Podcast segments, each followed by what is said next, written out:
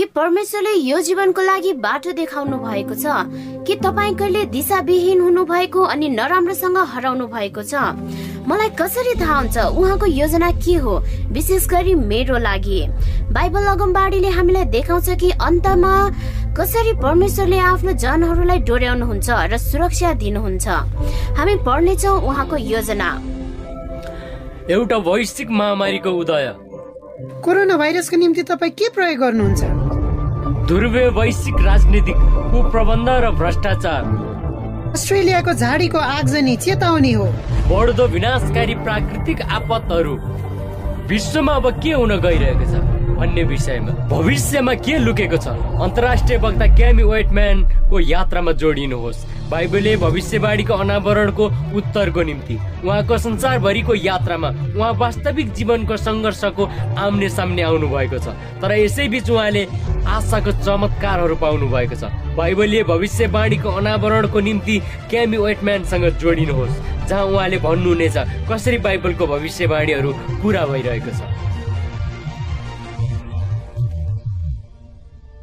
आजको रात विश्वास गर्न गाह्रो हुन्छ कि आजको रात बाइबलको भविष्यवाणी उजागर गर्ने यो हाम्रो आखिरी रात हो। गएको चौध दिनको सन्दर्भमा बाइबलको रोमाञ्चित अनावेशन जहाँ हामीले प्रश्न गर्यौं र उत्तर पायौं।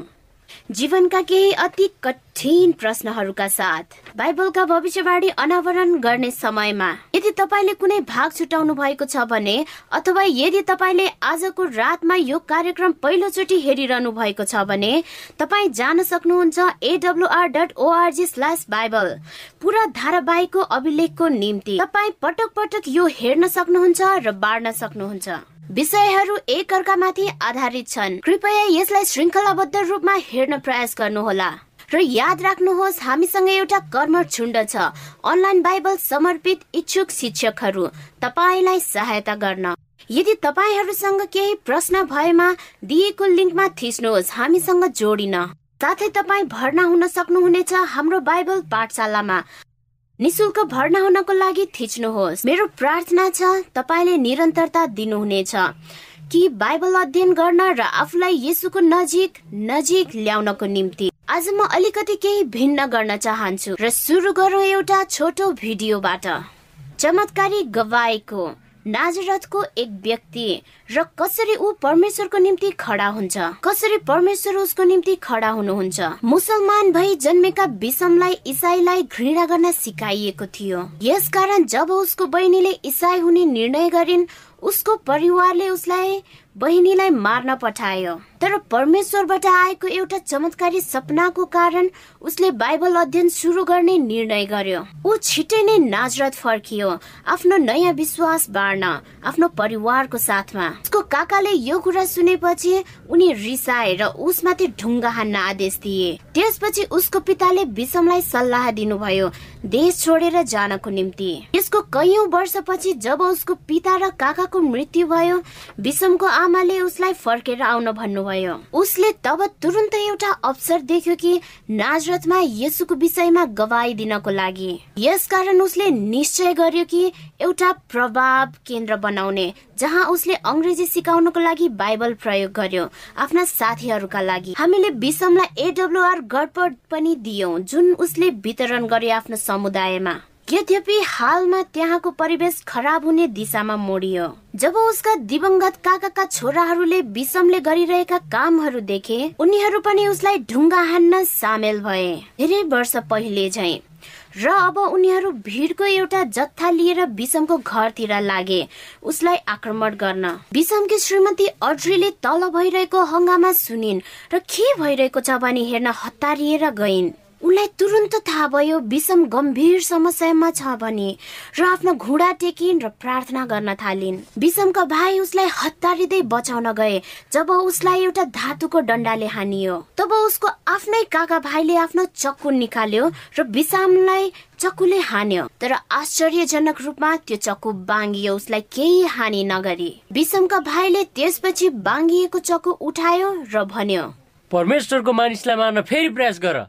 जब भिड पछाडि हट्दै गए उनीहरूले धम्की दिए कि तलाई थाहा हुने छैन कहिले र कहाँ तर हामी तलाई मार्नेछौ। धेरै महिनापछि विषमलाई एउटा चोट पुर्याउने फोन आयो। कि उसका दुईजना काका भाइहरू मारिए जब उनीहरू मोटरसाइकल चलाइरहेका थिए? यसले मलाई याद गरायो कि यदि परमेश्वर हामीसँग हुनुहुन्छ भने हाम्रो विरुद्ध को हुन सक्छ? यस आश्चर्यमय घटनाले मुसलमान समुदायमा यति खैला बैला ल्यायो र विषमलाई थाहा भयो। यो उचित समय हो कि एडब्लुआर फोन सुसमाचार प्रयोग गर्ने। उसले तुरन्त एकजनालाई खोज्यो प्रवचनलाई अरबीमा अनुवाद गर्नको लागि। उसले एकजना जमिल नाम गरेको मानिस भेट्यो जो मदत गर्न तुरन्त तयार भयो। जब उनले त्यो पढे उनी धेरै प्रभावित भए आफ्नो प्रस्तुतिबाट। त्यसपछि उनी बाध्य भए ब्याप्टिस्ट चर्चको आफ्नो एक मित्रसँग त्यस विषयमा भन्नको लागि। ती प्रवचनबाट उनी धेरै अचम्मित भइन् र उनले ती कुराहरू आफ्नो पास्टरसँग बाँडिन्। उनी पनि यी कुराहरू पढेर प्रभावित भए। त्यसपछि उनले विषमलाई खोजे आफ्नो चर्चमा प्रचार गर्नको लागि। विषमले ब्याप्टिस्ट चर्चमा प्रवचन दिए। बाइबलको भविष्यवाणी हाम्रो स्वास्थ्यको विषयमा र एलएनजी व्हाइटको लेखहरू पनि। उनीहरूका हृदय यति धेरै दोषी भएको महसुस गरे कि पास्टर र उनका प्राय मण्डलीले बत्तिसमा लिने निर्णय गरे सेभेन डे एडभेन्टिज चर्चमा। र सभाको एक उद्वेग लाग्दो दिनमा हामीले एउटा संगति गर्यौं यर्दन नदीको छेउमा। विषमलाई हर्ष भयो ती अमूल्य आत्माहरूलाई बत्तिसमा दिन पाउँदा एल्डर डुवेल मिक्कीसँग।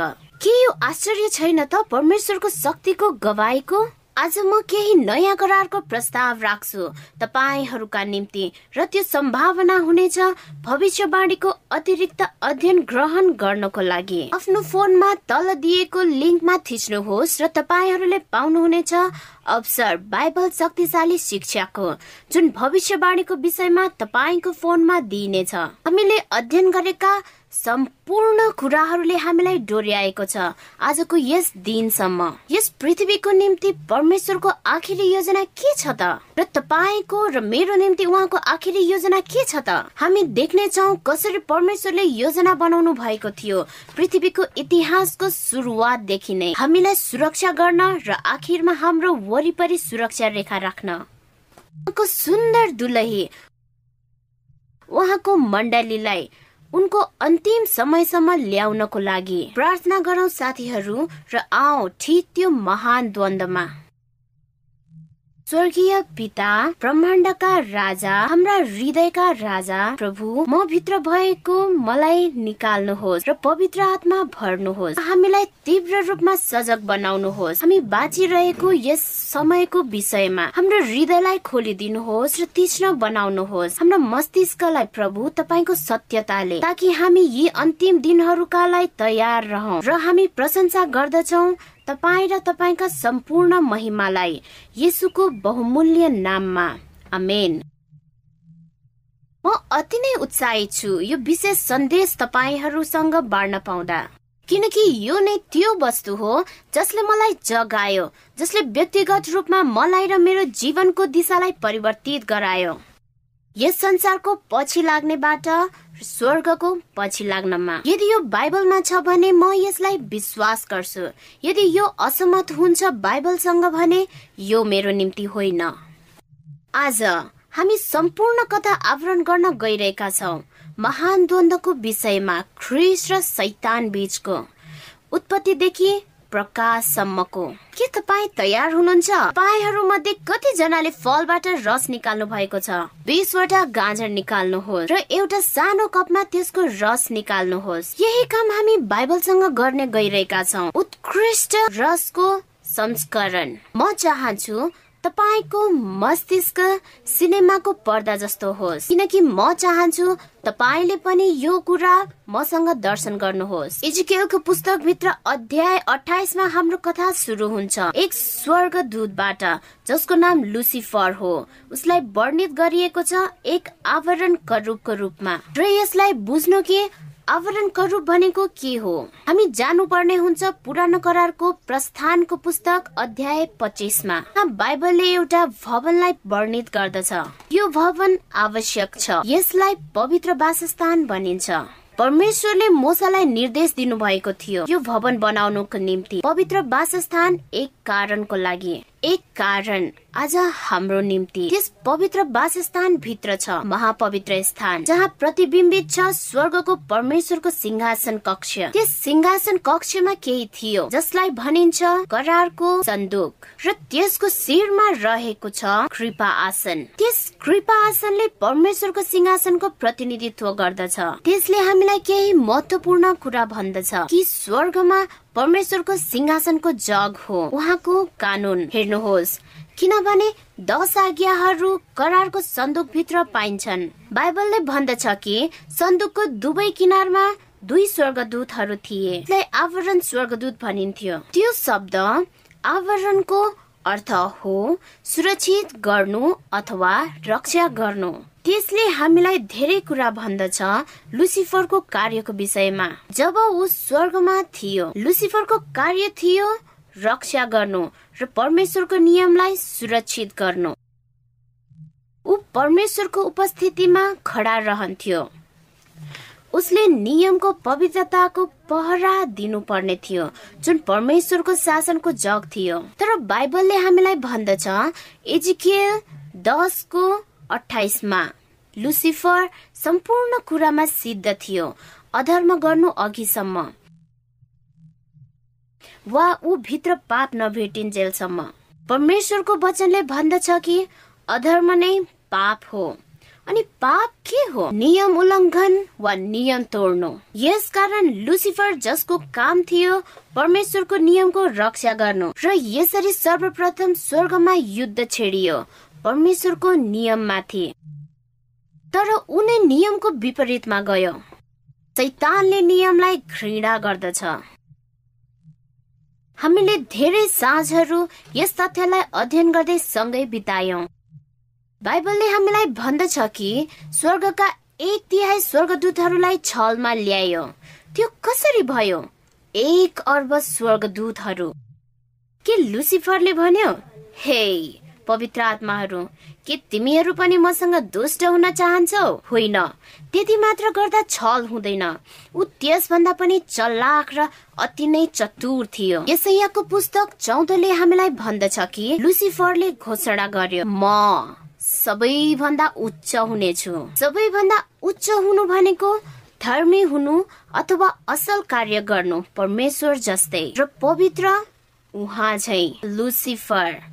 उसले वास्तवमा भन्दैछ म परमेश्वर झै पवित्र हुन सक्छु कुनै नियम बिना नै। कसरी गर्ने भनेर मलाई भन्दैछ के तपाईँले यस्तो तर्क पहिले कहिले सुन्नु भएको छ कि हामीलाई नियम चाहिँदैन परमेश्वर झै हुनको लागि? मित्रहरू त्यो एउटा तर्क हो आत्म धार्मिकताको यो सोचेर कि परमेश्वर बिना नै हामी सबै कुरा आफै गर्न सक्छौ र यसै कुराले छल गर्यो। स्वर्गको एक तिहाई स्वर्गदूतहरूलाई। मलाई आशा छ तपाईँहरूले मेरो कुरा बुझिरहनु भएको छ। तपाईँको मस्तिष्क भित्र चलिरहेको सिनेमामा। किनभने यो नै हो महाकाव्य। संसार कसरी सुरु भयो भनेर। र यसैले हामीलाई देखाउँदछ त्यो कारण जसले गर्दा हाम्रो ग्रह अशान्त भएको छ। तर यो अवस्था अस्थायी छ। किनभने परमेश्वरसँग बचाउने महान योजना छ। तपाईँ र मलाई। त्यसपछि बाइबलले मलाई भन्दछ कि लुसिफर र त्यसका दूतहरूलाई स्वर्गबाट निकालियो। यस्तो किन भयो? किन यस्तो भयो कि लुसिफरको इन्साफ तुरन्त गरिएन? के तपाईँले यो प्रश्न कहिले गर्नुभयो? के तपाईँले यो प्रश्न आफैले कहिले गर्नुभयो कि किन त्यस्तो भएन? तर साधारण छ यद्यपि जटिल छ। व्यवस्थाको पुस्तक उन्नाइस पद पन्ध्रदेखि उन्नाइसले देखाउँदछ। एक सिद्धान्तको विषयमा जुन मोसा र इसरायलका जनहरूलाई दिएको थियो कि जब कुनै विवाद हुन्थ्यो दुई पक्ष बीच त्यहाँ एउटा तेस्रो पक्ष पनि हुनु पर्दथ्यो। ती दुई बीचको विषयमा बुझ्नको लागि। अब हामी त्यो साधारण सिद्धान्तलाई नै लियौँ। स्वर्गमा भएको घटनाको। जब लुसिफर र त्यसका दूतहरूले विद्रोह गर्यो त्यहाँ कति पक्षहरू थिए? दुई पक्षहरू। एकतर्फ परमेश्वर र उहाँका पवित्र स्वर्गदूतहरू र अर्कोतर्फ लुसिफर र त्यसका ठगिएका दूतहरू। मानव त्यहाँ गतिरोध भइरहेको थियो। सैतानले परमेश्वरलाई दोषारोपण गरिरहेको छ किनभने परमेश्वर न्याय गर्न बस्नु भएको छ। त्यस समयमा त्यही सैतानको त्यो समय अनुचित देखिन्थ्यो होला। किनभने तिनीहरूले दोषारोपण गरे परमेश्वर नै न्यायाधीश हुनु भएको थियो। इजिकिल अठाइस पद सत्र परमेश्वरले लुसिफरलाई निकाल्नु भयो यसो भन्दै राजाहरूको अगाडि मैले तँलाई तमासा बनाइदिए ताकि उनीहरूले तँलाई देखुन्। यो शब्द सुन्दर लाग्छ कुनै किसिमको निर्णय भइरहेको थियो। अनि तपाईँले चित्रण गर्न सक्नुहुन्छ सैतानको चित्रीकरण। या कसलाई लिएर आउनुहुन्छ मेरो न्याय गर्न ह परमेश्वर? के तपाईँले महसुस गर्नु भएको छैन कि सारा स्वर्गको धुब्रीकरण भएको छ? दुई पक्षमा न्यायकर्ता को हुनुहुनेछ? त्यो तेस्रो पक्ष जसलाई परमेश्वरले प्रयोग गर्नुहुनेछ। लुसिफरको न्याय गर्न याद गर्नुहोस् केही रात अघि हामीले पढेका थियौं। हामीले हजार वर्ष र न्यायको विषयमा ती बचाइएकाहरू हुन् जो स्वर्गमा भएको पुस्तक भएर जान्छन् यो समयमा। यो नै न्यायकर्ता हो। सुन्नुहोस् त्यहाँ तीन कुराहरू छन्। हामीले थाहा पाउनु पर्ने न्यायाधीशको छनौटको बारेमा। नम्बर एकमा जब न्यायाधीश छानिन्छ उनीहरूले त्यो मानिसलाई चुन्न मन पराउँछन् जसलाई थोरै अथवा प्रत्यक्ष ज्ञान हुँदैन। अपराधको होइन त? दास गर्नुहोस् के होला? मानवता कहाँ गएको थियो जब लुसिफरले विद्रोह गरेको थियो? यो समयसम्म मानव जातिको सृजना पनि भएको थिएन। यद्यपि हामी मानव जाति नै योग्य भयौं त्यो न्याय गर्नको निम्ति। अब दोस्रोको कुरा हेरौं। न्यायपीठको सदस्य हुन आवश्यक पर्ने। न्यायाधीश एक कानूनमा बाँधिएको नागरिक हुनु पर्दछ हामीलाई थाहा छ आदम र हब्बाको सृजना भएको थियो। परमेश्वरको कानून उनीहरूको हृदयमा लेखिएर कारण मानव फेरि पनि योग्य भयो न्यायपीठको सदस्य हुन। र तेस्रो नम्बरमा न्यायाधीश सक्षम हुनु पर्दछ सही र गलतको बीच फरक बुझ्ने। पहिलो कुरन्थी छको दुई र तिनले भन्दछ तँलाई थाहा छैन हामी स्वर्गदूतहरूको न्याय गर्नेछौ। हामी ती राजाहरू हौ जसलाई परमेश्वरले बनाउनु भयो आंशिक रूपमा न्यायकर्ताको रूपमा सेवा गर्नको लागि यसरी मानिस र महिलाहरू योग्य हुन्छन्। ती सबै तीन बुदाहरूमा यो न्यायपीठमा सेवा गर्नको लागि। यसकारण लुसिफरले यो देख्दछ कि मानिसको सृजना भएको र सोच्दछ के यिनीहरू हुन् जसले मेरो न्याय गर्नेछन् यसको विषयमा हामीले हेर्नेछौ अब हामी यस विषयमा विचार गरौं। जब सैतानले परमेश्वरबाट थाहा पाउँदछ कि कुनै दिन उसको न्याय हुनेछ मानव जातिद्वारा। उसले त्यसपछि के गर्नेछ? उसले हामीलाई खोज दिन अथवा डगमगाउन खोज्छ। न्यायपीठको सदस्यलाई आफ्नो पक्षमा ल्याउन। उसकै तरिकाले सोच्न र विद्रोह गर्न। उसले आफ्नो झुटको सुरुवात गर्दछ अदनमा रुखको छेउमा। उसले आफ्नो झुटद्वारा मानिसलाई मनाउनु अथवा विश्वास दिलाउनु पर्ने थियो। आफ्नो निर्देशन पालन गर्न न कि परमेश्वरको। जब सैतानले बगैँचामा हब्बालाई सम्माहित गर्दछ के उसले हब्बालाई यो भन्दछ कि के तिमी दुष्ट हुन चाहन्छौ? होइन। त्यसले काम गर्दैनथ्यो त्यो त अति स्पष्ट हुन्थ्यो। त्यसको सट्टा उसले भन्यो हब्बा मलाई देखाउन देऊ कि कसरी तिमी परमेश्वर चाहिँ हुन सक्छौ? यो त्यही झुट हो जुन उसले प्रयोग गरेको थियो। एक तिहाई स्वर्गदूतहरूलाई बुझाउन स्वर्गमा आफूलाई पछ्याउनको लागि परमेश्वरको साटोमा। पुरानो सर्पले डोर्यायो। मानव जातिलाई एक विकृत अवधारणामा जसलाई परमेश्वरको चरित्र देखाइयो। आदिकालदेखि नै। यसरी दुर्भाग्यवश हाम्रा अभिभावक आदम र हब्बाले चुने परमेश्वरको विरुद्धमा पाप गर्न र उनीहरू अयोग्य भए न्यायकर्ताको छनौटबाट। किनकि उनीहरू अब न्यायमा बाँधिएका नागरिक थिएनन्। यसकारण बगैँचामा यसो आउनुहुन्छ र उनीहरूलाई एउटा प्रतिज्ञा दिनुहुन्छ कि उहाँ मर्नुहुनेछ उनीहरूको पापको निम्ति ताकि उनीहरूले आफ्नो लागि फेरि पनि स्वर्गको छनौट पाउन सकुन्। हामी आखिरमा जान्दछौ कि सुसमाचार दिइयो। मानव जातिलाई पुनर्स्थापना गर्न असल न्यायकर्ता हुनको लागि जसलाई थाहा छ फरक सही र गलत बीचको जो कानूनमा बाँधिएका नागरिक छन्। म धेरै कृतज्ञ छु परमेश्वर प्रति एउटा बाटो बनाउनु भएको लागि जसबाट तपाईँ र म पुनर्स्थापित हुन सक्छौ ताकि हामी फर्कन सकौ। स्वर्गको बगैँचामा कुनै दिन छिट्टै नै। अब हामी द्रुत अघि बढौँ हाम्रो सिनेमामा। उत्पत्तिदेखि आऊ पुस्तक प्रस्थानमा। जहाँ परमेश्वर एकजना मानिसलाई बोलाउन गइरहनु भएको छ। मिश्रमा रहेका बन्दीहरूको बीचबाट। को हुन् तिनीहरू? हो इसरायलीहरू। अब सुन्नु जब लुसिफरले स्वर्गमा परमेश्वरको विरुद्ध विद्रोह गर्यो परमेश्वरको मार्ग मन परेको थिएन। तपाईँहरूलाई थाहा छ भजन संग्रह सतहत्तर पद तेह्रले के भन्दछ? यसले भन्दछ हे परमेश्वर तपाईँका मार्ग पवित्र स्थानमा छ। हाम्रा परमेश्वर जस्तो महान ईश्वर अरू को छ र? यसकारण जब लुसिफरले विद्रोह गर्यो स्वर्गमा परमेश्वरको पवित्र वासस्थानको विरुद्धमा उसले वास्तवमा परमेश्वरको मार्गको विद्रोह गरिरहेको थियो। परमेश्वरले त्यसपछि इसरायलका जनहरूलाई डाक्नु भयो उहाँ तयार हुनु हुँदैछ उनीहरूलाई आफ्नो जनको रूपमा प्रयोग गर्नको लागि। जसले मुक्तिको सन्देश लिएर आउनेछन् सारा संसारमा। परमेश्वरले इसरायलीहरूलाई केही विशेष कुरा दिनुहुन्छ। यसलाई हामी भनौ परमेश्वरको जिपिएस को खाका मुक्तिको सुसमाचार योजना। परमेश्वरलाई थाहा थियो हामीलाई एउटा नक्सा चाहिन्छ भनेर। उहाँको जिपिएस परमेश्वरले पहिले नै देख्नु भएको थियो कि हामी हराएको वरिपरि घुम्नेछौ र घर फर्कनको निम्ति मार्गदर्शन आवश्यक पर्नेछ। मार्ग भनेको उहाँतिर फर्किने हो मित्रहरू। यसकारण परमेश्वर प्रेमिलो रूपमा तल इसरायलीहरूलाई हेर्नुभयो र उहाँले भन्नुहुन्छ म तिमीहरूलाई एक विशेष उपहार दिन गइरहेको छु र त्यो उपहार भनेको मार्ग हो। म प्रयोग गर्न चाहन्छु तिमीहरू इसरायलीहरूलाई त्यो नक्सा दिनको लागि। यो विशेष नक्सा सारा संसारलाई दिनको लागि। उहाँले दिन चाहनुहुन्छ मुक्तिको सुसमाचार योजना। इसरायलीहरू मार्फत सारा संसारलाई। हामी बुझ्न र कल्पना गर्न सुरु गर्न सक्छौ। सैतानलाई कस्तो महसुस भयो होला जब उसले देख्यो परमेश्वरको सिंहासन कक्षको प्रतिकृति जुन स्वर्गमा परमेश्वरको पवित्रतामा थियो जसलाई इसरायलीहरूले बनाइरहेका थिए तल पृथ्वीमा जाड स्थानमा। किनभने अब मानिसहरूसँग अवसर हुनेछ परमेश्वरको मुक्तिको योजना बुझ्ने। शैतानले पक्कै पनि आफ्नो फौजलाई एकीकृत गर्न थाले होला जो खसालिएको स्वर्गदूतहरू थिए। यसो भन्दै कुरा यस्तो रहेछ। सारा मानिसहरूलाई मुक्तिको बाटोमा निर्देशन गर्न यसलाई त हामी घृणा गर्दछौ।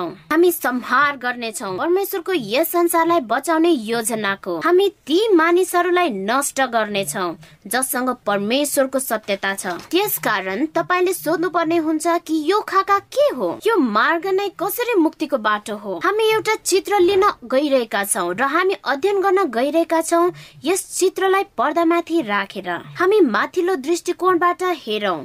पवित्र स्थानको दृश्यलाई। यसरी कि मानौ हामी यसको माथि उडिरहेका छौ। तपाईँले बाहिरी प्राङ्गण देख्नुहुन्छ। तपाईँ देख्न पुग्नुहुन्छ दुईवटा फर्निचरका वस्तुहरू। अब आकर्षक कुरा के हो भने यथार्थ अर्थ। प्रत्येक फर्निचरका टुक्राहरूका व्यक्तिगत रूपमा तपाईँ र मेरो निम्ति। पहिला हामी हेर्नेछौ बलिको वेदी। जनावरहरूको बलि दिइन्थ्यो। त्यसले के प्रतिनिधित्व गर्दछ?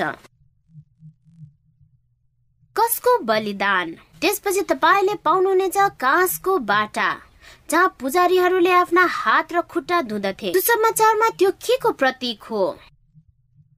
बत्तिसमाको हामी भित्रतिर लागौ। अब छ पवित्र स्थान र तपाईँहरूले देख्नुहुन्छ लहर गरी राखिएको रोटी राख्ने टेबल। यसले परमेश्वरको वचनलाई प्रतिनिधित्व गर्दछ। जीवनको रोटीलाई मत्ती चारको चारमा भन्दछ। मानिस रोटीले मात्र बाँच्दैन तर हरेक वचनले जुन परमेश्वरको मुखबाट निस्कन्छ। अब तपाईँ फर्कनुहोस् र देख्नुहुन्छ धुपको वेदी जसले हाम्रो प्रार्थनाको प्रतिनिधित्व गर्दछ। त्यसपछि तपाईँले देख्नुहुन्छ सातवटा हाँगा भएको सामदान पवित्र आत्माको प्रतिनिधित्व गर्दै र हाम्रो गवाई अरूको निम्ति पवित्र आत्माको मार्फतबाट। मित्रहरू हेर्नुहोस् तपाईँहरू संसारको ज्योति हुनुहुन्छ। एक सहर जसलाई माथि बसाइएको छ त्यो लुकेको हुँदैन। यी सबै तपाईँका गवाईको विषयमा छन् मित्रहरू। अब हामी लागौ भित्र महापवित्र स्थानतर्फ। तपाईँले देख्नुहुन्छ करारको सन्दुक। दश आज्ञाहरू त्यहाँ भित्र छन्। मित्रहरू यो नै हो हाम्रो खाकाको नक्सा। त्यसो भए कसरी भयो त यो पवित्र स्थान परमेश्वरको सुसमाचारको योजना? यदि तपाईँले ध्यानपूर्वक यो चित्र हेर्नु भयो भने र यस वस्तुको किनारहरू विचार गर्दै जानुभयो भने तपाईँलाई थाहा छ के पाउनुहुन्छ भनेर। हो एउटा क्रुज के तपाईँ कल्पना गर्न सक्नुहुन्छ?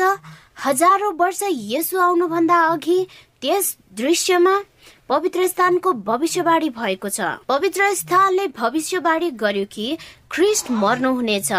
क्रुसमा हाम्रो पापको निम्ति। उहाँले भन्नुहुन्छ म नै हुँ बाटो सत्य र जीवन। यो न चौधको छ। जब तपाईँले पवित्र स्थानमा हेर्नुहुन्छ पाउनुहुनेछ। अर्को पनि एउटा चाख लाग्दो कुरा।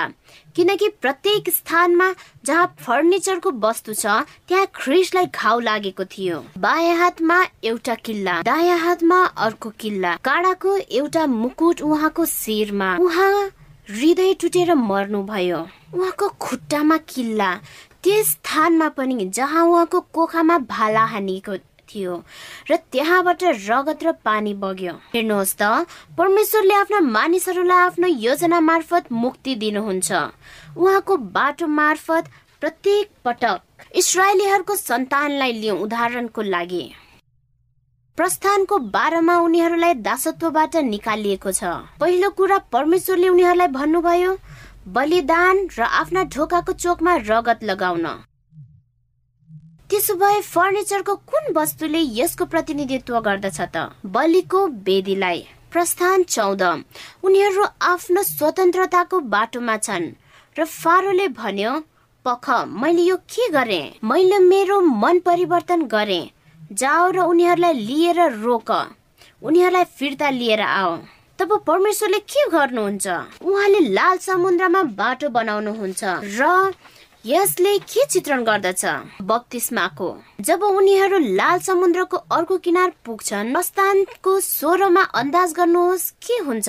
उनीहरू कराउँछन् हामीलाई भोग लाग्यो। अनुमान गर्नुहोस् त परमेश्वरले आफ्ना जनको लागि के गर्नुभयो? उहाँले स्वर्गबाट मन्ना रोटी वर्षाउनु भयो रोटी राखिएको टेबलको प्रतिनिधित्व गर्दै। प्रस्थानको उन्नाइसमा परमेश्वरले उनीहरूलाई भन्नुहुन्छ तिमीहरू मेरो विशिष्ट खजाना हौ। तिमीहरू मेरो निम्ति संसारको ज्योति हौ। मेरा जनहरू जसलाई म मुक्ति ल्याउनको लागि प्रयोग गर्नेछु। यस धरतीमा जसको सार हो परमेश्वरले उनीहरूलाई सातवटा हाँगा भएको सामदान। परमेश्वरले मोसालाई भन्नुहुन्छ म चाहन्छु तिमी मेरा मानिसहरूलाई भन। तिन दिन आफूलाई तयार गर्नमा बिताउन मसँग भेट गर्नको निम्ति। हृदयबाट तयार हुन प्रार्थनामा जसको प्रतीक हो धुपको वेदी उनीहरूले किन आफ्ना हृदय तयार गर्नु पर्यो? किनभने प्रस्थान बीचमा के हुन्छ त? ठिक परमेश्वर तल आउनुहुन्छ र दस आज्ञाहरू बोल्नुहुन्छ। अब हामी यसुको जीवनलाई हेरौँ। र यो कसरी मिल्दछ पवित्र स्थानको ढाँचासँग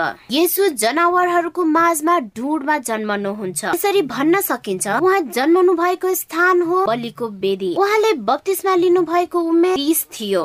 त्यो बाटा थियो। त्यसपछि उहाँलाई उजाड स्थानमा लगियो। जहाँ शैतानद्वारा उहाँको परीक्षा लियो। र त्यहाँ उहाँको पहिलो परीक्षा थियो ढुङ्गालाई रोटी बनाउने। दोस्रो परीक्षा थियो आफूलाई मन्दिरको टुप्पाबाट फाल हान्ने र परमेश्वरलाई अहङ्कारी प्रार्थना अर्पण गर्ने। तेस्रो परीक्षा। मलाई थाहा छ तपाईँ आफ्नो मानिसहरूका लागि आउनुभयो। आफ्नो सातवटा हाँगा भएको सामदानको लागि। मेरो सामु झुक्नुहोस् र म तपाईँलाई तपाईँका मानिसहरू दिनेछु।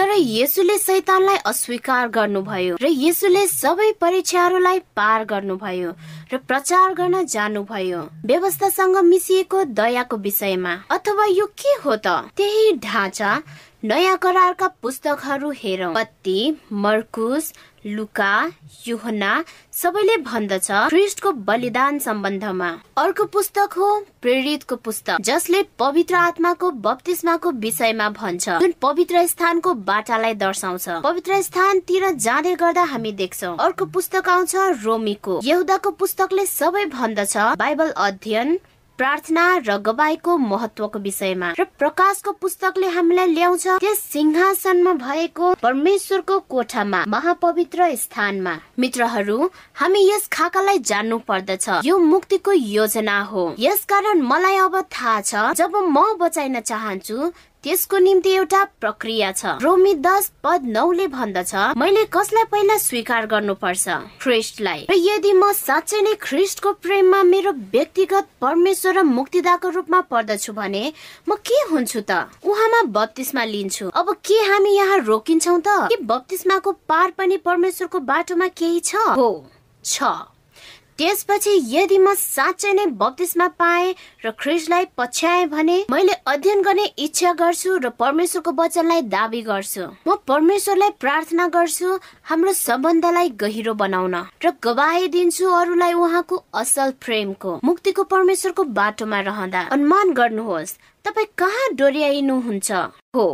सही हो। यो न चौधको पन्ध्रमा यसुले भन्नुहुन्छ यदि तिमीहरू मलाई प्रेम गर्छौ भने मेरो आज्ञाहरू पालना गर। अब सैतान क्रोधित हुन्छ। मुक्तिको यस योजना प्रति अवश्य नै। सारा पुरानो करार साँच्चै नै सैतानले कसरी मानिसहरूलाई नष्ट गर्न प्रयास गरिरहेको छ भन्ने विषयमा छ। जससँग खाका छ र त्यस खाकालाई नै नष्ट गर्न। यसलाई यसरी कल्पना गर्नुहोस्। खाका एउटा फुटबल हो र परमेश्वरले यो फुटबल दिनुहुन्छ इसरायलीहरूलाई र भन्नुहुन्छ यसलाई मैदानमा लिएर जाऊ। त्यसकारण इसरायल मैदानमा दौडिन थाल्छ र उनीहरू परमेश्वर प्रति विद्रोह गर्न चुन्छन्। यसको सट्टा उनीहरू यति जिद्दी हुन्छन् कि परमेश्वरले उनीहरूलाई आफ्नै बाटोमा जान छाडिदिनुहुन्छ जसले बेबिलोनहरूको कैदमा लैजान्छ। त्यसपछि के भयो? हामी तीन भविष्यवाणी प्रति परिचित छौँ। दानियलको पुस्तकमा पहिलो भविष्यवाणी हो। सत्तरी हप्ताको भविष्यवाणी। यो भविष्यवाणी के को विषयमा हो? यसलाई हामी साधारण राख्छौ। यस चित्रणको निम्ति मित्रहरू यो भविष्यवाणीमा इसरायलीहरूलाई परमेश्वरको भनाइ हो जसलाई पवित्र स्थानले देखाउँदछ। उहाँ सत्तरी हप्तामा आउनुहुनेछ। यदि तिमीहरू उहाँलाई स्वीकार गर्न तयार छैनौ र आफ्नो विद्रोहलाई जारी राख्छौ भने म खाका तिमीहरूबाट लिनेछु र कोही अरूलाई दिनेछु। तर अनुमान गर्नुहोस् के हुन्छ? इसरायल तयार रहँदैन जब यसो आउनुहुन्छ र इसरायलले ख्रिस्टलाई अस्वीकार गर्दछ। तपाईँलाई थाहा छ के हुन्छ जब उहाँ मर्नुहुन्छ? पवित्र स्थानको पर्दा तलदेखि माथिसम्म दुई भागमा च्यातिन्छ। पार्विक खाकाको अन्त्यलाई संकेत गर्दै। यसो पुनरुत्थान हुनु भएपछि स्वर्गमा उचालिनुहुन्छ। स्वर्गीय पवित्र स्थानमा र खाका अथवा फुटबल शाब्दिक इसरायलबाट लिइन्छ र आध्यात्मिक इसरायललाई दिइन्छ। अनुमान गर्नुहोस् हामीले सारा पुरानो करार हेर्यौं यस साँझमा हो। आधा बाटो। परमेश्वरले इसरायललाई अन्य भाषा बोल्ने उपहार दिनुहुन्छ ताकि उनीहरू यो समाचार स्वर्गीय पवित्र स्थान र स्वर्गीय महापुजारीको सारा संसारमा लिएर जान सकुन्। इसरायलीहरू मैदानमा जान्छन्। केही कुराले पनि उनीहरूलाई रोक्न सक्दैनन्। सैतानले भन्दछ मैले यिनीहरूलाई रोक्नु पर्छ यी ज्वलन्त इसाईहरूलाई। अब सैतानले के गर्दछ? पहिला उसले शाब्दिक इसरायललाई जगाउँछ। आत्मिक इसरायललाई आक्रमण गर्नको लागि। त्यसपछि उसले शाब्दिक रोमीहरूलाई जगाउँछ। आत्मिक इसरायललाई आक्रमण गर्नको लागि। तर सैतानले देख्छ प्रत्येक पटक जब एउटा इसाई मर्दछ त्यो निम्ति खाटा हुन्छ। किनभने उनीहरूको रगत बीज जस्तै हो एउटा बिउ जस्तै। यो गुणन हुँदै जान्छ। पहिलोको भन्दा पनि बलियो हुँदै सैतान भन्दछ। अब मैले साँच्चै आफ्नो निम्ति बदल्नु पर्नेछ र यसले हामीलाई परिचित गराउँछ। तीन मध्येको दोस्रो भविष्यवाणीको समय रेखालाई दानियलको पुस्तकमा बाह्र सय साठी वर्षको भविष्यवाणी। जसरी हामीले पढेका थियौँ साधारण रूपमा यस भविष्यवाणीले भन्दछ कि एउटा शक्ति उदाउनेछ जसलाई सानो सिंह भनिन्छ। जनावरको शक्तिले खोज्नेछ परमेश्वरको खालालाई नष्ट गर्न। सैतानले कसरी प्रयोग गर्नेछ यस सानो सिंहलाई? यस छली आध्यात्मिक शक्तिलाई परमेश्वरको पवित्र स्थानलाई नष्ट गर्न। हाम्रो खालालाई फेरि पनि पर्दामाथि राखौ। तपाईँहरूले देख्नुभयो सैतान छलको मालिक हो। उसले भिडहरूलाई भड्काउनेछ आफ्ना चर्चित प्रतिस्थापनहरूबाट। स्मरण गर्नुहोस् मित्रहरू बाइबलका प्रत्येक सत्यताहरूका लागि शैतानसँग छल छ। कारण अन्धकार युगमा के भयो? यो बाह्र सय साठी वर्षको अवधि जुन हामीले अध्ययन गरेका थियौँ त्यो चर्चको अन्धकार युग। रोमन क्याथोलिक चर्चले परमेश्वरको सत्यतालाई नष्ट गर्यो जुन परमेश्वरको पवित्र स्थानमा सिकाइन्थ्यो। भनाइको अर्थ के हो? बलिदानको वेदी।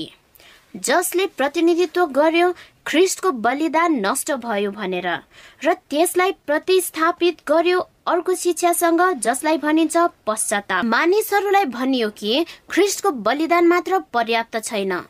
तपाईँको पापको मूल्य तिर्न त्यसकारण तपाईँले पश्चाताप गर्नु पर्दछ ख्रिस्टको वेदनाको असर उहाँको बलिदानलाई नष्ट गरियो र छल मिसाइएको त्यसको बदलामा बत्तिस्माको भाँडाको विषयमा के भन्ने जसले बत्तिस्माको प्रतिनिधित्व गर्दछ। अन्धकारको युगको चर्चले भन्दछ हामी प्रतिस्थापन गर्नेछौ। शिशुलाई पानी छर्केर बत्तिसमा दिने विधि। वास्तविक विधिसँग जुन थियो पानीमा डुबाएर बत्तिसमा दिने। जसले बोलाउँदछ पुलस्वीको लागि र सम्पूर्ण हृदयले पश्चाताप गर्नको लागि। उनीहरूले त्यति मात्र गरेनन् तर उनीहरू पवित्र स्थानमा गए रोटी राखिएको टेबलतिर जसले परमेश्वरको वचनको प्रतिनिधित्व गर्दछ। र घोषणा गर्यो तिमीहरू परमेश्वरको वचन बुझ्न सक्दैनौ। आफैले मात्र पुजारीले त्यसलाई व्याख्या गर्न सक्छ तिमीहरूको निम्ति। यसरी उनीहरूले बढावा दिए कि चर्चको परम्परा बढी महत्वपूर्ण छ। परमेश्वरको वचन भन्दा। उनीहरूले त्यति मात्र गरेनन् इतिहासले भन्दछ। उनीहरू पुगे धुपको वेदीमा जसले प्रार्थनाको प्रतिनिधित्व गर्दछ र दावा गरे तिमीहरू सिधै परमेश्वरसँग प्रार्थना गर्न सक्दैनौ। तिमीहरू पादरी अथवा पूजाहारी मार्फत गर्नु पर्ने हुन्छ। वास्तवमा उनीहरूले आफ्नै दुई खण्डको कक्ष बनाए। त्यसलाई पर्दाले छुट्याइएको र एकजना मानिस परमेश्वरको स्थानमा बसेको र भूल स्वीकारहरू सुन्दै गरेको। जुन अरू मानिसहरूले गर्दथे यो नक्कल हो। परमेश्वरको महापवित्र स्थानको मित्रहरू यी छले शिक्षाहरूले दर्शाउँछ चर्च बाहिरको कुरा र यसरी अन्धकारको युगको सृजना भयो। यसरी रोमन क्याथोलिक चर्च महापवित्र स्थानमा गयो र परमेश्वरको व्यवस्थालाई कब्जा गर्यो। उहाँका दश आज्ञालाई नष्ट गरायो। हामीले धेरै समय बितायौं यी सबै विवरणलाई हेर्नमा। यी धारावाहिकहरूमा उनीहरूले चौथो आज्ञा सातौं दिनको सभालाई नष्ट गरे र त्यसको स्थानलाई आराधना गर्ने पहिलो दिनमा राखे। सैतान दृढ छ। परमेश्वरको जिपिएसलाई नष्ट गर्नको निम्ति। ऊ हामी हारेको हेर्न चाहन्छ। के हामी निराश हुने? परमेश्वरले अब के गर्न गइरहनु भएको छ? हेरौँ एउटा अर्को पनि भविष्यवाणी गरिएको थियो जसलाई दुई हजार तिन सय वर्षको भविष्यवाणी भनिन्छ। र यस भविष्यवाणीले भन्दछ कि तेइस वर्षको अन्त्य जुन समाप्त हुनेछ अठार सय चौवालिसमा। मित्रहरू यो एउटा गहन अध्ययन हो जुन म तपाईँहरूलाई सिफारिस गर्दछु।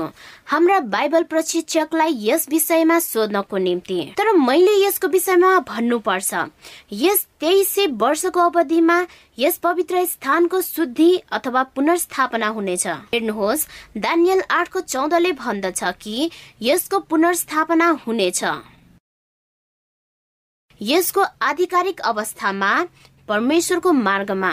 यसकारण यो हेर्नुहोस्। तपाईँलाई थाहा छ हाम्रो परमेश्वरले के गर्न थाल्नुभयो पाँच सय वर्षको समय अवधिमा।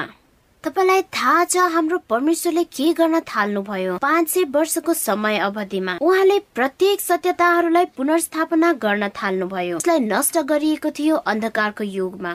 हामी फिर्ता जाउँ हाम्रो अघिल्लो खाकाको स्लाइडमा जसले नष्ट गरिएको सत्यतालाई देखाउँदछ। नजिकबाट हेर्नुहोस् परमेश्वरले के गर्नुहुन्छ?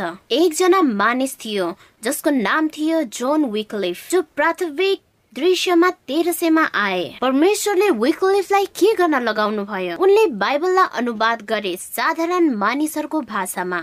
यसरी रोटीको टेबलको पुनर्स्थापना भयो। उनकै कारणले हामीसँग पढ्नको निम्ति बाइबल छ। आज हाम्रो आफ्नै भाषामा। मित्रहरू म तेह्र सयको समयमा भएको भए म पछ्याउँथे जोन विकलिफलाई सबै स्थानमा। अब चौध सयमा एक व्यक्तिको जन्म भयो मार्टिन लुथर किङ। परमेश्वरको कस्तो मानिस? मार्टिन लुथर किङले सुधारवादी विरोध गर्न थाले। पन्ध्र सयमा र उनी मार्फत परमेश्वरले सत्यतालाई पुनर्स्थापित गर्नुभयो। जुन थियो ख्रिस्ट येसुको बलिदान क्रुसमा जसले मूल्य चुकायो हाम्रो पापको न कि हाम्रो पश्चातापले। यसकारण यदि म त्यो समयमा बाँचेको भए मलाई थाहा छ म लुथ्रेनवादी हुन्थे। परमेश्वरको महिमा होस् लुथ्रेनवादको आन्दोलनको लागि। आमेन। पन्ध्र सयमा एक व्यक्तिको जन्म हुन्छ जसको नाम हो केल्भिन। उनी दृश्यमा आउँछन्। प्रेसबेटेरियन आन्दोलनका संस्थापक। जोन खेल्भिन माथि विशेष प्रार्थनाको भार थियो। उनले भने हामी सिधै जान सक्छौ। परमेश्वरको सिंहासन नजिक आफै मार्फत र यसरी जोन क्याल्भिनले प्रभावकारी रूपमा धुपको वेदी पुनर्स्थापित गरे। म प्रार्थना गर्दछु यो समयमा म प्रेसबेटेरियन हुने थिए। के तपाईँहरूले परमेश्वरका जनहरू देखिरहनु भएको छ मित्रहरू? कुनै पनि सत्यता अथवा नयाँ ज्योतिलाई स्वीकार गर्न निरन्तरता दिन्छन् जुन परमेश्वरले उनीहरूलाई देखाउनु भएको छ। चौरसीमा जोन स्मिथ नाम गरेका एक व्यक्ति बाइबल अध्ययन गरेपछि उनले भने एक मिनट पर्खनुहोस्। टिसुमाथि पानी छर्केर बत्तिसमा दिन मिल्दैन। बाइबलले स्पष्ट रूपमा भन्दछ बत्तिसमाको निम्ति तपाईँ पूर्ण रूपमा डुब्नु पर्ने हुन्छ। भुल स्वीकार र आफ्नो पापको निम्ति। प्रायश्चित गर्नुपर्ने हुन्छ बत्तिसमा लिन अघि। यसले प्रभावकारी रूपमा बत्तिसमाको भाँडालाई पुनर्स्थापित गर्दछ। उनी संस्थापक भए ब्याप्टिस्ट आन्दोलनको। मित्रहरू यदि म सोह्र सयमा बाँचेको भए म पक्कै पनि ब्याप्टिस्ट हुने थिएँ। सत्र सयमा एक व्यक्ति जोन विस्ली नाम गरेका उनी दृश्यमा प्रवेश गर्छन् र जोन विस्ली संस्थापक हुन् मेथोडिस्ट आन्दोलनका। उनीमाथि विशेष बोध छ सुसमाचारलाई। बाहिर संसारमा पुर्याउन र परमेश्वरले प्रभावकारी रूपमा पुनर्स्थापित गर्नुहुन्छ। सात हाँगा भएको सामदानलाई तपाईँको प्रकाश यति चम्काउनुहोस् यदि म सत्र सयमा बाँचेको भए म प्रार्थना गर्छु म मेथोडिस्ट हुने थिएँ। मित्रहरू एउटा वस्तु अझै बाँकी छ फर्निचरको पुनर्स्थापित गर्न। परमेश्वरले के आन्दोलन ल्याउनु हुनेछ अठार सयको दृश्यमा? छुटेको आखिरी सत्यतालाई पुनर्स्थापित गर्न। कुन आन्दोलनले पुनर्स्थापित गर्नेछ करारको सन्दुकलाई? एभेन्टे एडभेन्टेजले दश आज्ञालाई पुनर्स्थापित गर्दछ। करारको सन्दुक भित्र पाइने चौथो आज्ञा समेत। को दिनलाई पवित्र राख्नु परमेश्वरले चुन्नु भएको दिन। उहाँको सबात मोहर हो। यसलाई हामी अध्ययन गर्छौ मित्रहरू। यो तपाईँमाथि उहाँको मोहर हो जुन बचाइनको लागि चाहिन्छ। हामी त्यो देखेका थियौँ प्रस्तुतिमा आधिकारिक मोहर। परमेश्वरले तपाईँलाई बोलाउनु भएको छ यस समयको निम्ति। तपाईँले उहाँको बाइबलको सत्यता जान्नुहोस् भनी उहाँ चाहनुहुन्छ। बाइबलमा हामीलाई भनिएको छ प्रकाशको साथमा कि हामीमा जीवित परमेश्वरको मोहर हुनु पर्दछ अन्त्यको समयमा पार गर्नको निम्ति भनेर। स्वर्गको निम्ति हामीमा छाप लगाइनु पर्दछ मित्रहरू। हामीले अध्ययन गर्यौं कसैले पहिलो स्वर्गदूतले प्रकाशको चौधमा सारा संसारमा सुसमाचार लिएर जान्छ। समाचार प्रचार गर्न सकिँदैन थियो। अन्धकारको युगमा किनकि परमेश्वरको सत्यतालाई खोसिएको थियो र नष्ट गरिएको थियो। अठार सय चौवालिससम्ममा सत्यताका सबै वस्तुहरू परमेश्वरद्वारा पुनर्स्थापित भइसकेको थियो। त्यसो भए सेभेन डे एडभेन्टिस्टहरू को हुन्? हाम्रो विरासत लुथरेन ब्याप्टिस्ट मेथोडिस्ट प्रेसबेटेरियन हुन्। हामी मात्र लिनेछौ यी सबै पुनर्स्थापित सत्यलाई। परमेश्वरद्वारा उहाँको खाका आफ्नो अनन्ततामा छ। र हामी जान्छौ पृथ्वीको इतिहासको समय रेखामा उन्नाइस सय अठासीमा एउटा फुटबल खेल भयो कल स्टेट विरुद्ध स्ट्यान्डफोर्डको घडीमा चार सेकेन्ड मात्र बाँकी थियो। कल स्टेट एक अङ्कले पछाडि थियो। बाजा बजाउनेहरूले जितको उत्साह मनाउन सुरु गरिसकेका थिए। स्ट्यान्डफोर्डले गर्नुपर्ने मात्र थियो बललाई बाहिर फालिदिन।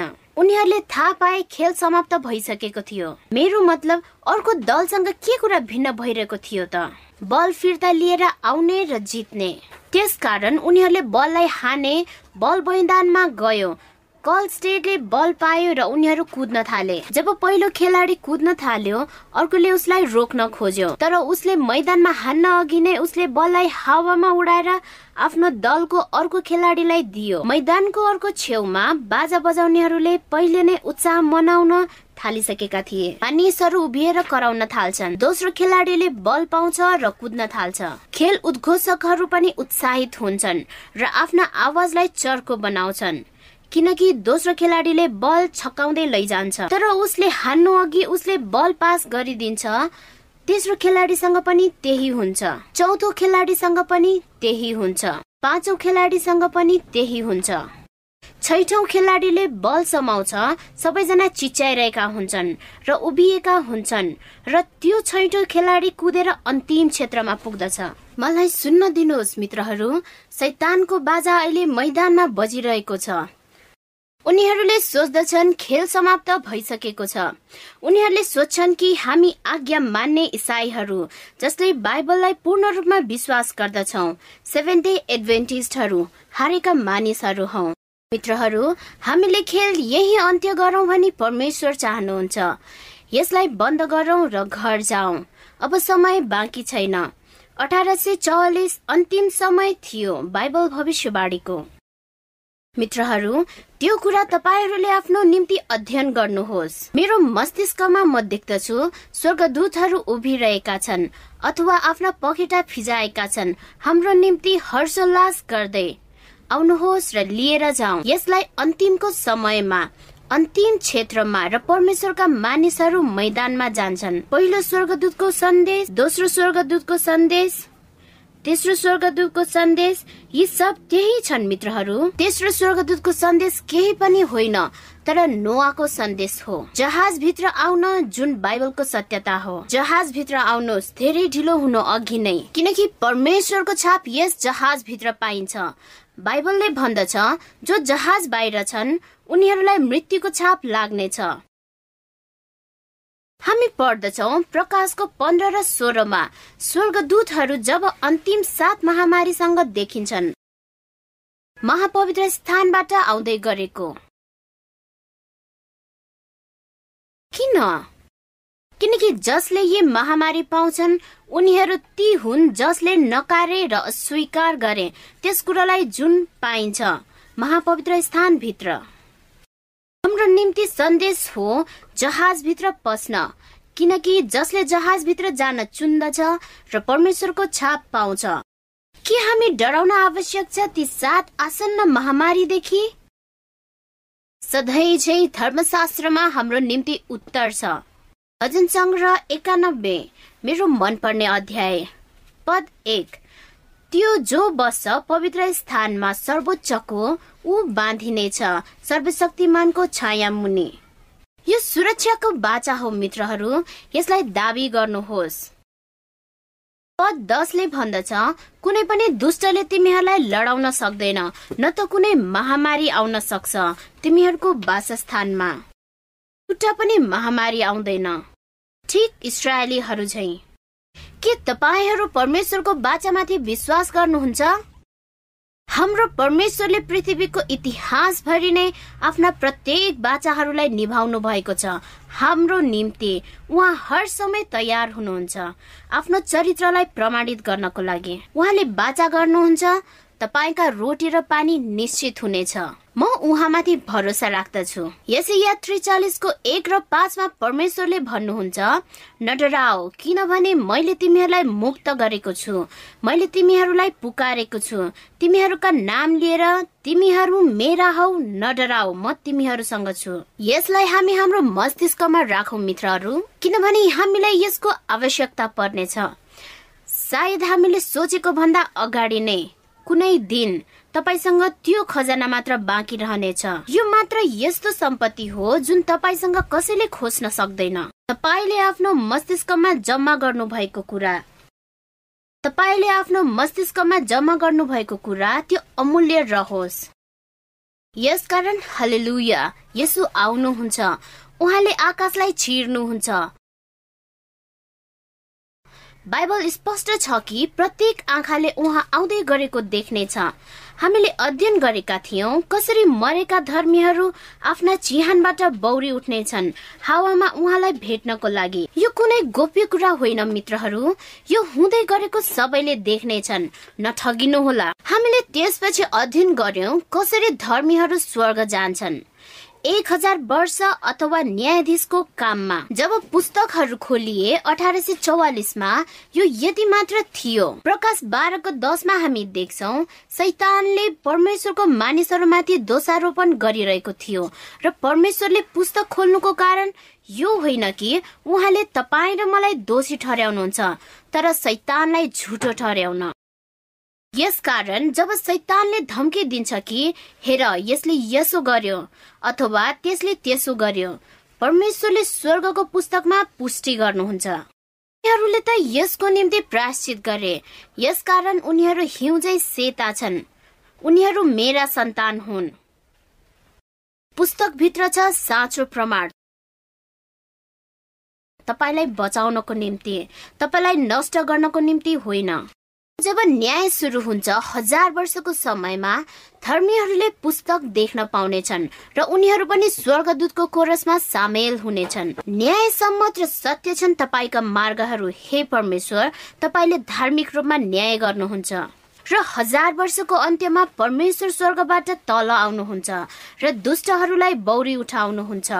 जो हामीले अध्ययन गरे अनुसार यस पृथ्वीमा मरेका थिए। त्यस समय यो संसार परिवर्तित हुनेछ। सबैभन्दा ठुलो सिनेमा घरमा जुन संसारले पहिले कहिले देखेको थिएन। हामीलाई ठुलो दृश्यमा देखाइएको छ सबैले यो चलचित्र देख्नेछन्। यो पृथ्वीको आखिरी चलचित्र हो। अब यो वास्तविक टिभी हो। यो विश्वास गराउनु पर्ने कुनै कुरा होइन। म चाहन्न कि कुनै नष्ट भएको। दुष्टले मतिर देखाउँदै भनोस् कि तिमीले यो सिनेमा देख्यौ र मलाई यसको विषयमा भनेनौ। तिमीले मलाई सबैभन्दा नयाँ हिट अङ्ग्रेजी सिनेमाको बारेमा भन्यौ तर तिमीले मलाई यस सिनेमाको विषयमा भनेनौ। जुन कथाको मूल्य थियो महान द्वन्दको। अब समय आउँछ जब परमेश्वरले सबै दुष्टहरूलाई नष्ट गर्नुपर्ने हुन्छ। तर बुझ्नुहोस् कारण किन परमेश्वरले आगो प्रयोग गर्नुहुन्छ? यस कारण होइन कि उहाँ पागल हुनुहुन्छ तर उहाँ प्रेम हुनुहुन्छ। हेर्नुहोस् परमेश्वरलाई आगो जस्तो भनी वर्णित गरिएको छ। श्रेष्ठ गीतको पुस्तकले भन्दछ कि प्रेम आगो चाहिँ जल्दछ। के तपाईँ पहिले कहिले प्रेममा पर्नु भएको छ? तपाईँले त्यो आगो महसुस गर्नु भएको छ? परमेश्वर त्यस्तै हुनुहुन्छ। उहाँ आगो हुनुहुन्छ। दोस्रो राजाहरू छको सत्रले वर्णित गर्दछ उहाँका रथहरू आगो हुन्। उहाँको सहर आगोको सहर हो। उहाँको सिंहासन आगोको सिंहासन हो। र उहाँ चाहनुहुन्छ हामी बस्न सकौ। यस आगोमा नष्ट नभए मित्रहरू के तपाईँ चाहनुहुन्छ परमेश्वरको उपस्थितिमा आउन? तपाईँ आगो निरोधक हुनुहोस्। जसरी परमेश्वरले मोसालाई जलिरहेको पोथ्रा देखाउनु भयो कसरी त्यो पोथ्रा जलिरहेको थियो तर नष्ट भएको थिएन। परमेश्वरले मोसालाई देखाउन प्रयास गरिरहनु भएको थियो। यो मेरो आदर्श हो मानवताको लागि। उहाँ चाहनुहुन्छ हामी सकौं। उहाँको उपस्थितिमा उभिन।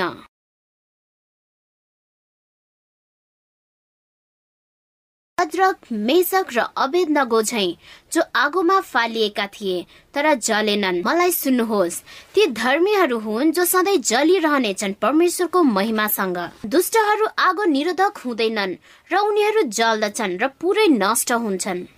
परमेश्वरले उनीहरूलाई स्वर्गमा जान दिनुहुने छैन किनभने स्वर्ग तिनीहरूका निम्ति नर्क हुनेछ। के तपाईँहरूले देख्नुहुन्छ सैतानले यसलाई कसरी पल्टन्छ? आफ्नो उत्कृष्ट महिमामा परमेश्वर ती महान ठुला हातहरू फिजाउनुहुन्छ र अङ्कमाल गर्नुहुन्छ। दुष्टहरूलाई एक अन्तिम पटक। सबै दुष्टहरूलाई एक ठुलो अङ्कमालमा। त्यसमा ती दुष्टहरूले त्यो प्रेमलाई महसुस गर्नेछन् जसलाई उनीहरूले अस्वीकार गरेका थिए। यो त्यो समय हुनेछ जब सबै घुडाहरू टेकिनेछन्। र सबैले घोषणा गर्नेछन् न्याय सम्मत र सत्य छन् तपाईँका मार्गहरू हे परमेश्वर। निर्णय सर्वसम्मत छ दुष्टहरूलाई नष्ट गर्ने। र त्यसपछि परमेश्वरले नवीकरण गर्नुहुनेछ यस धरतीलाई आफ्नो पहिलो योजना अनुरूप। एक सिद्ध स्वर्गीय बगैँचामा। र बाइबलले भन्दछ यसैया छैसठीको तेइसमा एक सबाददेखि अर्को सबादसम्म सबै मानिसहरू मेरो अघि मेरो आराधना गर्न आउनेछन्। तपाईँहरूले देख्नुहुन्छ मित्रहरू हामीले सबादको पालना गर्नेछौ। स्वर्गमा अनन्तको लागि। यो पृथ्वीको अन्तिम सिनेमा हो मित्रहरू। परमेश्वरले तपाईँहरूलाई बोलाउनु भएको छ। यस समयको निम्ति। रेखा नजिक आएर बस्न बन्द गर्नुहोस्। सैतान चाहन्छ कि तपाईँ आफ्नो शङ्कामा विश्वास गर्नुहोस् भनी र आफ्नो विश्वासमा शङ्का गर्नुहोस् भने। यस कुराले फरक पर्दैन कि तपाईँले के गर्नुभयो। यसुसँग पर्याप्त दया छ तपाईँलाई बचाउनको निम्ति। तपाईँमा सुरु गर्नुभएको कुरा यसुले समाप्त गर्नुहुनेछ। जुन धेरै पहिले एक बालक चाहिँ तपाईँ हुनुहुन्थ्यो मात्र उहाँसँग माग्नुहोस्। उहाँलाई मात्र आवश्यकता छ अनुमतिको र उहाँ आउनुहुनेछ। तपाईँको जीवनलाई पूर्ण गर्न। हाम्रो परमेश्वर योग्य हुनुहुन्छ। आवश्यकता भन्दा बढी सक्षम हुनुहुन्छ। आफ्नो प्रत्येक बाचालाई पालन गर्नको निम्ति। सायद म यसभन्दा पनि राम्रोसँग उहाँको वर्णन गर्न सकेको भए हुन्थ्यो। उहाँ अवर्णनीय हुनुहुन्छ। उहाँ अझै हुनुहुन्छ। र उहाँ अपूर्णनीय हुनुहुन्छ। र जब तपाईँ उहाँको प्रेममा पर्नुहुन्छ तपाईँले उहाँलाई आफ्नो मस्तिष्कबाट निकाल्न सक्नुहुन्न र उहाँले तपाईँलाई पनि तपाईँको मस्तिष्कबाट जान दिनुहुन्न। तपाईँ उहाँ बाहिर बाँच्न सक्नुहुन्न र तपाईँ उहाँ बिना बाँच्न सक्नुहुन्न। मृत्युले उहाँलाई नियन्त्रण गर्न सकेको थिएन र चिहानले उहाँलाई रोक्न सकेको थिएन। चिहान खाली छ मित्रहरू प्रार्थना गरौँ। स्वर्गीय पिता ब्रह्माण्डका राजा म प्रार्थना गर्दछु कि हामी प्रत्येक तपाईँको सत्यतामा दृढ भएर उभिन सकौँ कि हामी सजग रहौँ सैतानको पासोबाट कि हामी तपाईँका बाचाहरूलाई दावी गर्न सकौँ सुरक्षा र प्रावधानको। जब हामी योग्य पनि हुँदैनौ तपाईँले हामीलाई रद्दीमा आफ्नो हिरा देख्नुहुन्छ र तपाईँले हामीलाई नयाँ झै चम्काउनुहुन्छ। तपाईँको महिमा गर्छौ यसु। तपाईँ राजाहरूका राजा हुनुहुन्छ। म यस समय विशेष गरी मेरा मित्रहरूका निम्ति प्रार्थना गर्दछु जो मसँग अध्ययन गरिरहनु भएको छ। यस धारावाहिक भरि नै। तपाईँले प्रत्येक हृदयलाई जान्नुहुन्छ। तपाईँ आफ्नो पवित्र आत्मालाई विशेष गरी पठाउनुहोस् र उहाँहरूलाई हिँड्न सिकाउनुहोस् तपाईँको सत्यतामा ताकि हामी सबै स्वर्गमा एकसाथ भेट्न सकौँ। त्यस दिनमा हामी सारा संसारमा तपाईँको नाउँमा दावी गर्न सकौँ। यी सबै प्रार्थना म राख्दछु तपाईँको बहुमूल्य नाउँमा। आमेन। मित्रहरू महान द्वन्द्वले हामीलाई सिकाउँदछ। परमेश्वरसँग तपाईँको निम्ति जिपिएस नक्सा छ। उहाँले सबै कुरा निरन्तर गरिरहनुहुन्छ। उहाँले तपाईँको मुक्तिलाई निश्चित गर्न सक्नुहुन्छ। परमेश्वरसँग योजना छ यस संसारको निम्ति र विशेष गरी उहाँसँग तपाईँको निम्ति योजना छ। यस रातमा म तपाईँहरूलाई एउटा अझै कुरा सोध्न चाहन्छु। के तपाईँले परमेश्वरका सम्पूर्ण सत्यताहरूलाई पछ्याउनु हुनेछ तपाईँ इच्छित हुनुहुन्छ एक आज्ञा पालन गर्ने इसाई हुन र उहाँको शेष चर्चमा सामेल हुन सेभेन डे एडभेन्टिस चर्चमा? उहाँ प्रतिको प्रेम बाहेक यदि तपाईँ बत्तिसमाको बारेमा सोचिरहनु भएको छ भने समर्पित हुनुहोस् आजको रातमा मित्रहरू। तपाईँको त्यो प्रतिबद्धता देख्न हामी मन पराउँछौ। मात्र थिच्नुहोस् दिएको लिङ्कलाई हामीसँग जोडिनको लागि। म तपाईँहरू प्रत्येकलाई धन्यवाद दिन चाहन्छु। आफ्नो समय सहित म माथि भरोसा गर्नु भएकोमा यी बाइबलका शीर्षकहरू सँगै बसेर अध्ययन गरेकोमा गत चौध दिनहरूमा। फेरि पनि तपाईँहरूलाई धेरै धेरै धन्यवाद। बाइबल भविष्यवाणीको अनावरण हेर्नु भएकोमा परमेश्वरले तपाईँहरूलाई प्रचुर आशिष दिउन् परमेश्वरको मार्गलाई चुन्नुहोस् शुभरात्रि मित्रहरू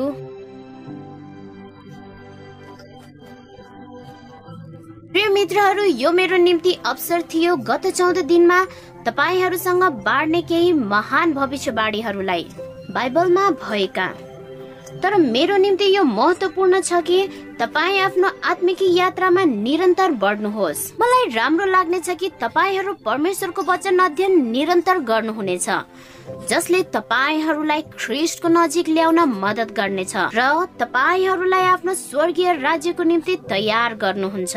मेरो एउटा असल मित्र हुनुहुन्छ पास्टर अन्तर्राष्ट्रिय वक्ता र एक बाइबल शिक्षक। क्रिस होल्यान्ड जसले पनि विश्वास गर्नुहुन्छ हाम्रो सत्यताको स्रोत मात्र बाइबलमा छ। उहाँले यस यात्रालाई तपाईँसँग निरन्तरता दिनुहुनेछ।